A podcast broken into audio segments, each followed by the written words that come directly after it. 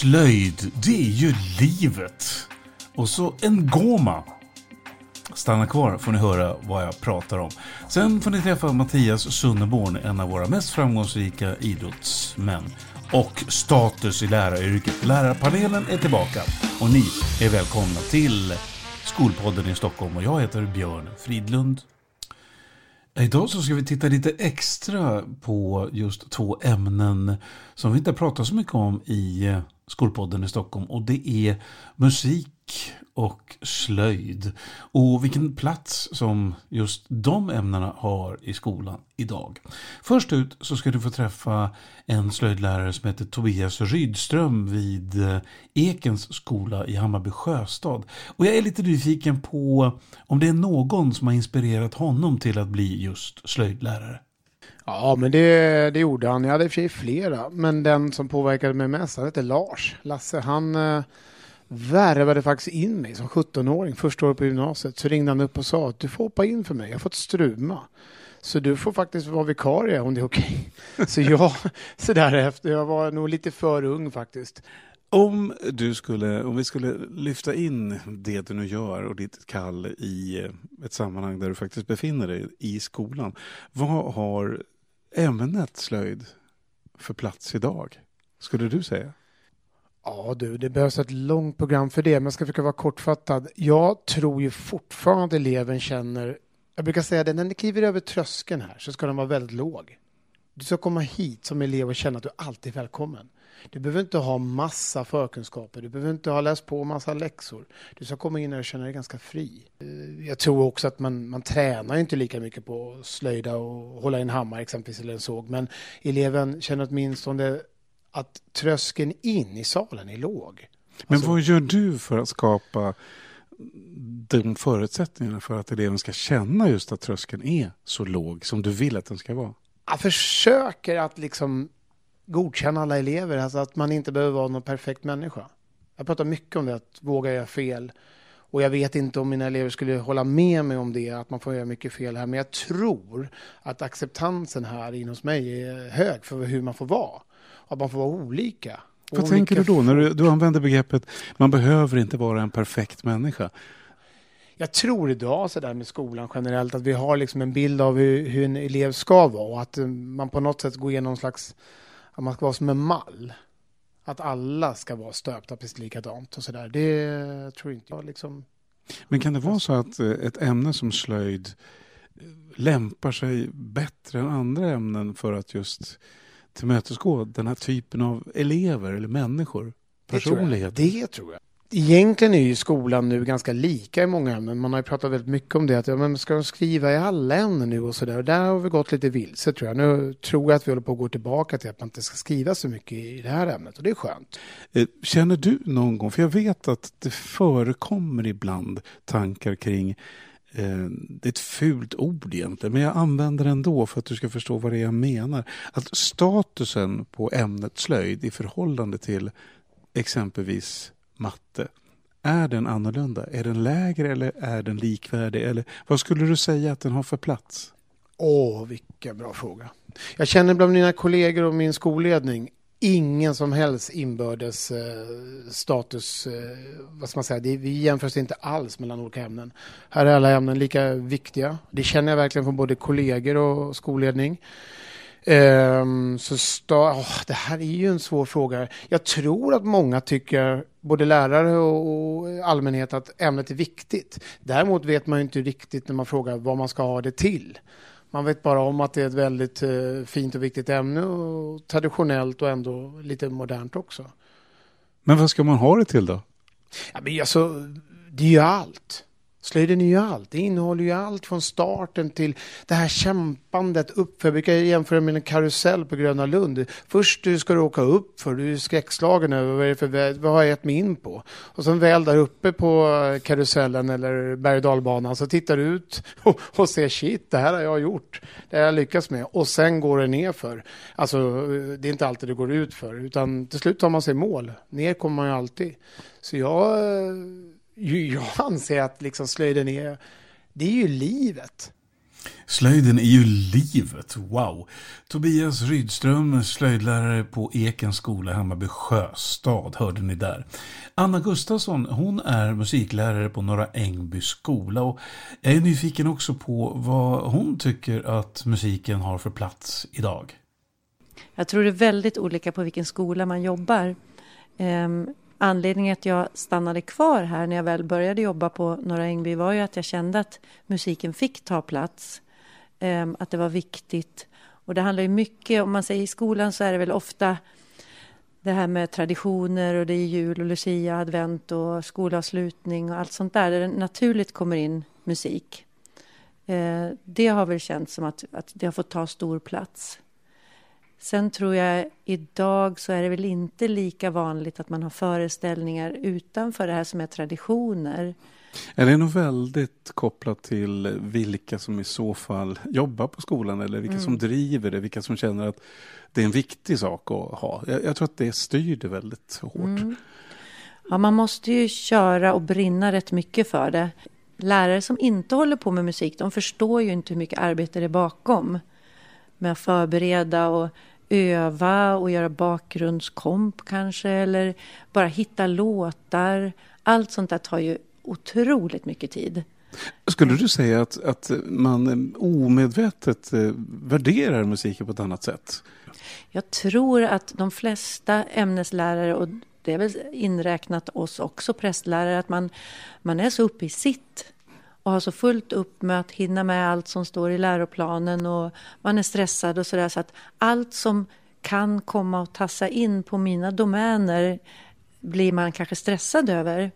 Och... Jag, tror, jag tror många känner igen sig i det där. Jag, jag tror mm. väldigt många gör det faktiskt. Samtidigt som de flesta också är medvetna om att utfallet och vad det ger mm. om man ger just musik till exempel ja. utrymme. För ja. det ger oerhört mycket. Det blir ja. ringa på vattnet, vill jag påstå. Ja, och jag tror att man märker det liksom i efterhand. Men när man väl är uppe i det och man tycker men nu måste jag göra det här och man, man tycker inte att man hinner, då kommer ändå den där stressen. Um, så att man får, ju, man får ju vara mycket pedagog tror jag också för att få med sig sina kollegor i det hela.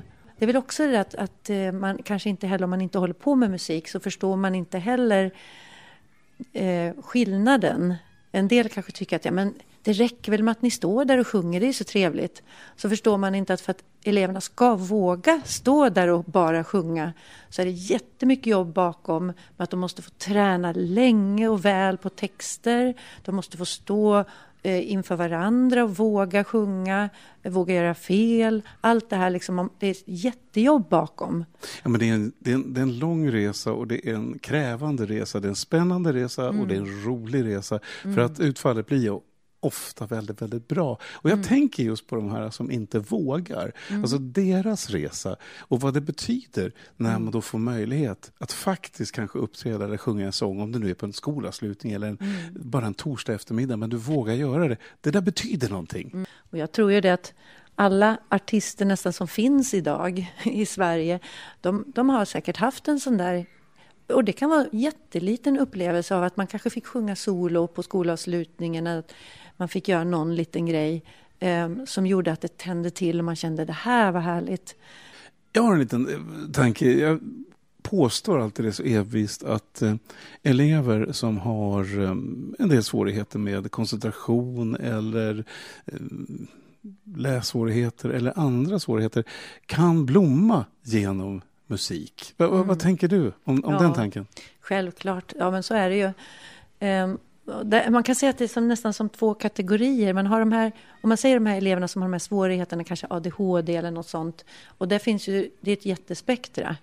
Då kan det ju vara de här som tycker det är jättejobbigt med musik för att det är för mycket ljud. Och de blir jättestressade och kan inte vara med på musiken, måste liksom sitta utanför.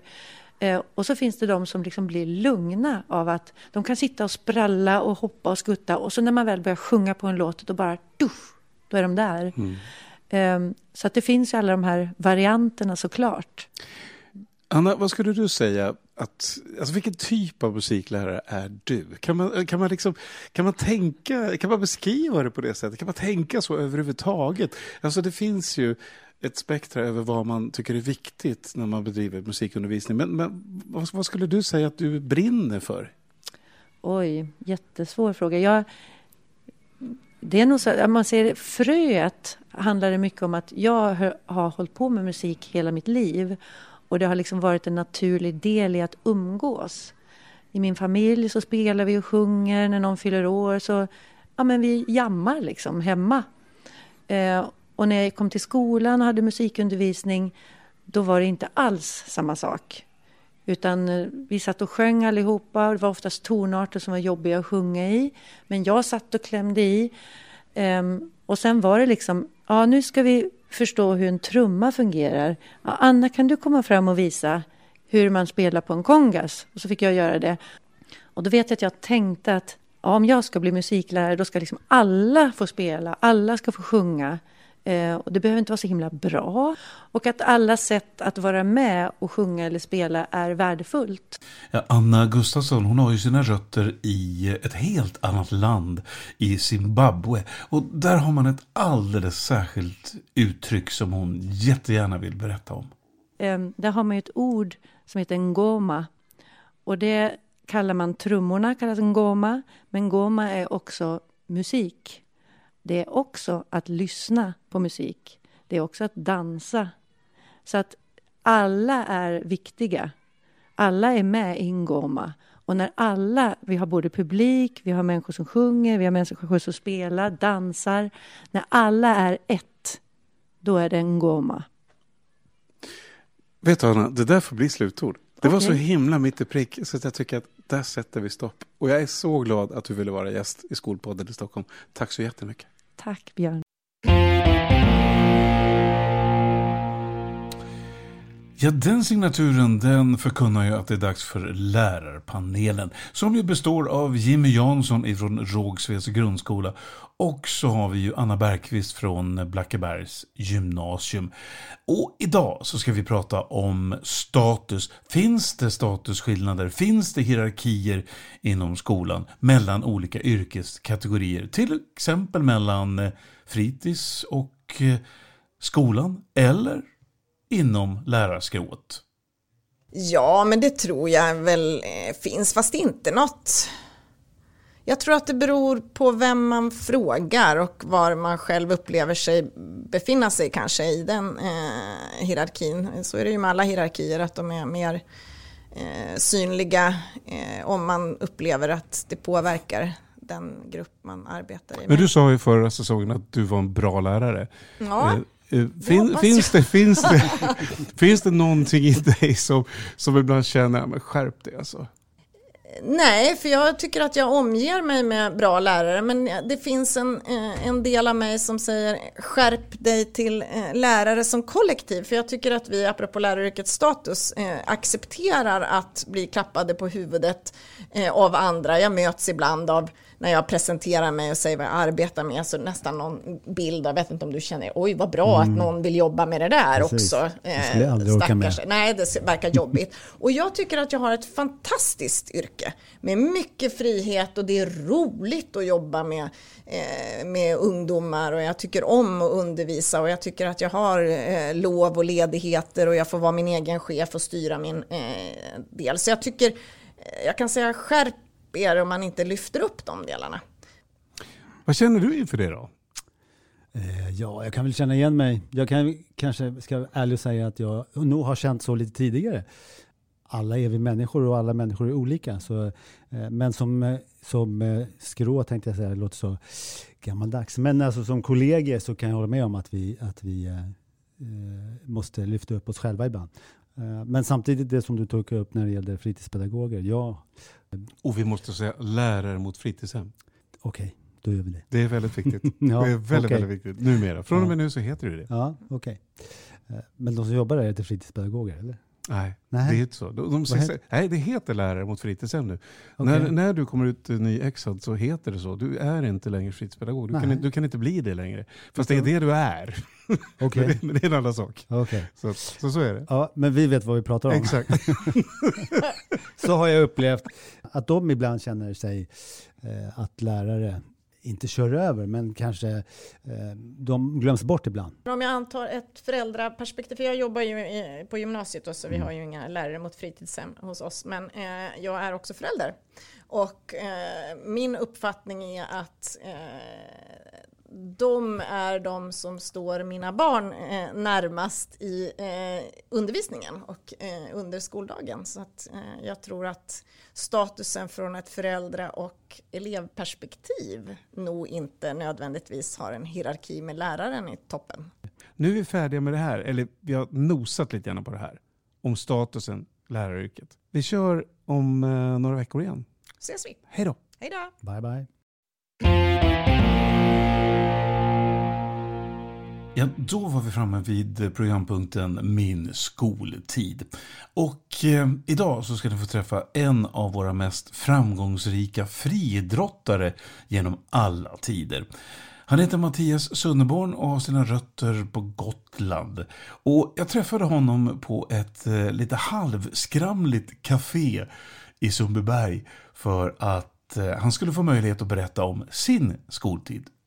Ja, ehm, nej, men det är direkt det är ju många minnen som dyker upp då och eh, bägge mina föräldrar var ju, eh, man säger, både lärare och eh, sen blev min pappa, han var special, speciallärare, sen blev han rektor också. Och mamma hon var ju, eh, jobbade ju som eh, maskinskrivningslärare och eh, jag tror jag heter barnkunskapslärare också. Och det var ju lite pinsamt att ha sin mamma i, som barnkunskapslärare när man ska prata om sådana saker. Men, eh, ja, men sen själva skolan, det var Ja men det är både positiva och negativa minnen. Vem, vem var du i skolan då? Alltså, skulle du säga? Var du en blyg kille eller vem var du? Ja men jag var absolut eh, blyg och eh, rätt så ordningsam var jag faktiskt. Jag var ju som, eh, hade respekt, har jag alltid haft för äldre. Eh, som mina lärare och så. Och eh, ja, var inte så jätteduktig i skolan om man säger. Alltså, jag är skötsam men inte så, jag har inte, ingen sån här uh, mattegeni eller språkgeni på något sätt. Men det är lätt att tro och tänka att du, eh, med tanke på den karriär som du sedan gjorde, att du var väldigt duktig i idrott. Var du det eller tyckte du bara att det var kul? Ja, men idrott har ju har jag varit duktig i alltid faktiskt. Jag har haft femma alltid och eh, haft bra gympalärare liksom och eh, ja, kul att prova olika idrotter. Så just idrott är fall, det var ju favoritämnet då. Men blev det friidrott tidigt eller när, när kände du att eh, friidrott är min grej? Ni ska ju veta, ni som nu inte vet vilka framgångar som Mattias har rönt så är han ju en av Sveriges bästa längdhoppare genom alla tider och har tillhört världstoppen under Mm. en tid. Men alltså, när kände du att friidrott, det är jag? Ja, nej, men jag, började, var jag och min eh, kompis då, eh, Per Ringbom som cyklade runt i Fårösund och sen eh, cyklade vi till sporthallen i, inne på K3 där. Och eh, då var det ju, vi var tio år gamla kommer jag ihåg. Och sen var det ju Bertil Smitterberg som, eh, som välkomnade oss. Och han var ju sedermera min lärare också, eller vår lärare på mellanstadiet. Eller högstadiet rättare sagt. Och eh, så han var ju ja, jätteschysst vi fick hoppa in där liksom och, och rätt så lätt hade, hade jag för friidrotten från början. Jo, men du började hoppa långt ganska tidigt. Och, och Mm. eh, vad var det som gjorde att du kände att nej, men jag tänker satsa på det här för att du satsade tidigt? Ja, men det gjorde jag. jag när jag var eh, 11 år gammal, eller innan, precis innan jag skulle fylla 12 år så hoppade jag 5 och 16, kommer jag ihåg, i längdhopp. Ja, men jag tyckte det var, det var, för mig var det som en... Eh, jag tyckte det var roligt och att det var som... Eh, jag kände mig rätt trygg i, den här, i sporthallen där i Fårösund. Så jag la mycket tid där och hoppade in i massa olika gruppers träningar och sånt. Men det var ju först egentligen när jag började gymnasiet då, eh, friidrottsgymnasiet i, i Växjö, det var då som jag bestämde mig att, eh, att jag ska liksom, eh, gå hela vägen. Hur var du som klasskamrat? Var du en eh, schysst kille? Ja, men det var jag. Eh, jag var schysst och eh, höll inte på att mobba sådär och ja, var en eh, schysst kille vad jag, vad jag minns. Ja, men så var det. Var du framåt eller var du blyg? men jag var tillbakadragen, eh, ja lite osäker, jag vet inte varför men eh, så har jag varit liksom i, eh, ja, hela uppväxten. Och även liksom att stå och prata inför folk och sånt, det har jag aldrig tyckt om. Men nu, nu har jag kommit över kan jag säga sista, eh, ja, sista tiotals åren då, men eh, hela uppväxten och sånt, jag, eh, jag ville ju aldrig stå och prata inför klassen och redovisa grejer och då sa jag till mina föräldrar att jag hade ont i magen och sen så, eh, alltså skolkade jag helt enkelt. Ni ska veta att uh, Mattias kommer från en familj vars uh, bollsinne är någonting utöver det vanliga. Det fanns alltid idrott i din familj. Uh, och dina två bröder hade ju också framgångar och var väldigt duktiga i fotboll och jag vet din äldsta bror Mikael, han var ju mm. också väldigt duktig på pingis. Så att det, ni var ju en familj som mm. var på något sätt synonymt med idrott. Håller du med om det? Ja, men det var det. var ju både, både mamma och pappa höll på med idrott och eh, så att eh, ja, det var en naturlig del tidigt. Och sen fördelen med Fårösund, det var ju att det är ju en, eh, bor ju inte så många människor där då och det var väldigt lätt att, det var ingen väntetid då man fick, eh, alla var välkomna på allting. Så det var absolut ingen utslagning som det kan vara i, i dagens eh, samhälle för barn när det gäller idrott. Som, eh, alla var välkomna, det tyckte jag var väldigt positivt. Och sen lekte vi ju det kommer du själv ihåg, vi lekte liksom på ett helt annat sätt jämfört med vad barnen leker idag. Det var väldigt fysiska lekar liksom. Det var ju bollen i burken och det var liksom, eh, man klättrade i träd och man, eh, tror jag hette röda vita rosen och allt som man körde. Så det var väldigt tufft liksom och man fick en bra grundfysik. Jag tänker på när du säger bollen i burken, jag blir så full i skratt. Därför att eh, jag, näm, eller jag sa det när jag började jobba i skolan, ingen förstod vad jag pratade om. Nej. Jag säger man bara burken. Ja, men jag, jag, vet, jag vet faktiskt det, men nu tänkte jag prata med dig och säga bollen i burken. ja, det är underbart. Ja. Vad gör du idag? Hur mycket tränar du idag? För du, du är ute och tävlar i världen och har blivit världsmästare och du har väl slagit en del världsrekord också. Men, men har det alltid varit viktigt för dig att hålla igång och idag så gör du ju det och du tänker på vad du äter och så vidare. Är det en central del av dig? Ja, men det är det faktiskt. Eh, det har blivit liksom att jag har engagerat mig rätt mycket i folkhälsan och för att hjälpa andra människor då.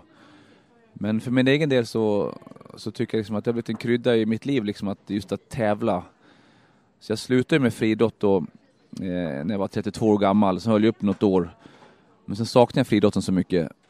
Så då gjorde jag liksom, ja, en comeback kan man säga då. Och inom friidrotten då är man då, kallas sig veteran då från 35 år. Det låter konstigt då men sen kan man tävla då mot de som är ungefär jämngamla. Med sådana femårsintervaller, så det är 35 till 39, 40 till 44 och så vidare. Så jag åker runt i världen och, eh, men det och tävlar. Bra.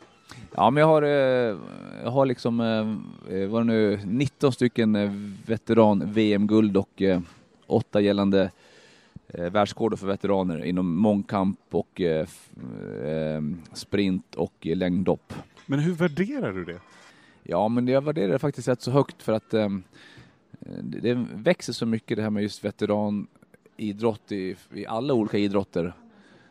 Och, eh, och jag, jag som har jobbat mycket med dels folkhälsan då, och sen hjälper liksom många att, ja, att man ska öka livskvaliteten då genom att lära, om man säger så, eh, motionärer då elitträning och elittänk. Jag har bland annat infört något som heter eh, 100 trappsteg då. Eh, tillsammans med Jenny Åkervall så har vi startat då att vi uppmanar alla som kan gå överhuvudtaget då att de ska gå minst 100 trappsteg varje dag. Och det är för att då få eh, bättre kondition och bli starkare och må bättre.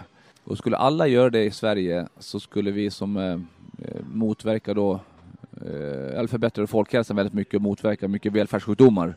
För att det är som eh, WHO då rekommenderar 10 000 steg. Det kan vara väldigt liksom, eh, svårt för många människor då att ta så lång tid. Det motsvarar ungefär 7,5 kilometer. Men 100 trappsteg, det går mycket snabbare.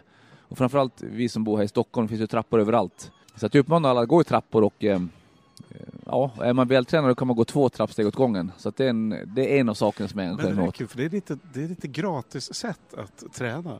Verkligen. Och plötsligt så känner jag mig otroligt nöjd. För jag brukar ligga någonstans på mellan 22 och 26 000 steg om dagen. Oj, oj, oj. Men jag går oerhört mycket. Ja, det gör det. Det är, det är helt Jag är rätt stolt över det faktiskt. Det låter helt otroligt alltså. Det måste jag säga. Ja. Men eh, med tanke på det, du har ju barn. Mm, två döttrar har jag. Just, och eh, Jag vet, idag så pratar man mycket om att barn rör sig alldeles för lite.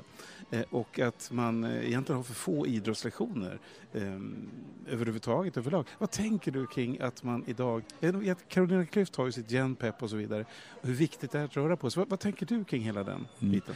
Nej, men det, det är ju helt bevisat eh, med forskning att, eh, att man mår bättre när man rör på sig och man eh, lär sig bättre också när man rör på sig. Och det är klart att jag är för att man skulle kunna ha då en timme um, att man får röra på sig i skolan då. Men samtidigt är det så här om man vänder på det här att ska man ta bort några andra ämnen i skolan? Och då kan man sätta de sakerna emot varandra och det är ingen självklarhet det heller då. Så att då, så att det, man, men man får lösa på något sätt då att man kanske på, eh, på rasten exempelvis att man kan som eh, springa en liten kortbana på skolgården eller någonting då.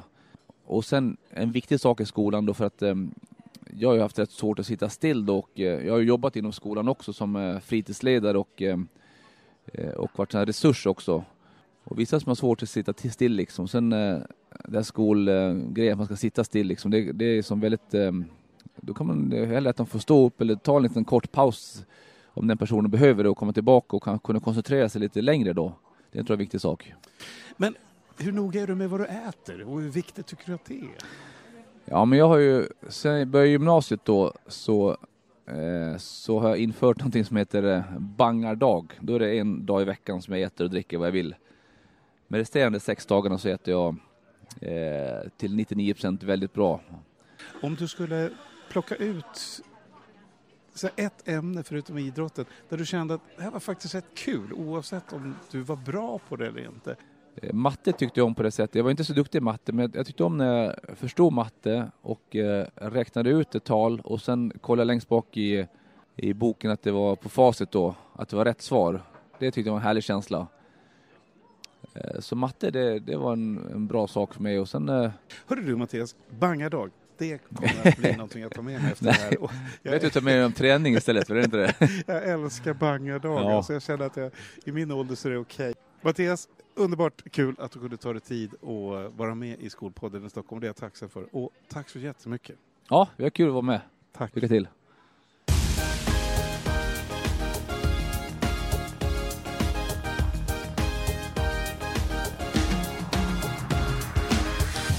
Ja, men det är väl klart att slöjden är livet. En goma, ja det ska jag leva efter. Och så det där med bangardagen.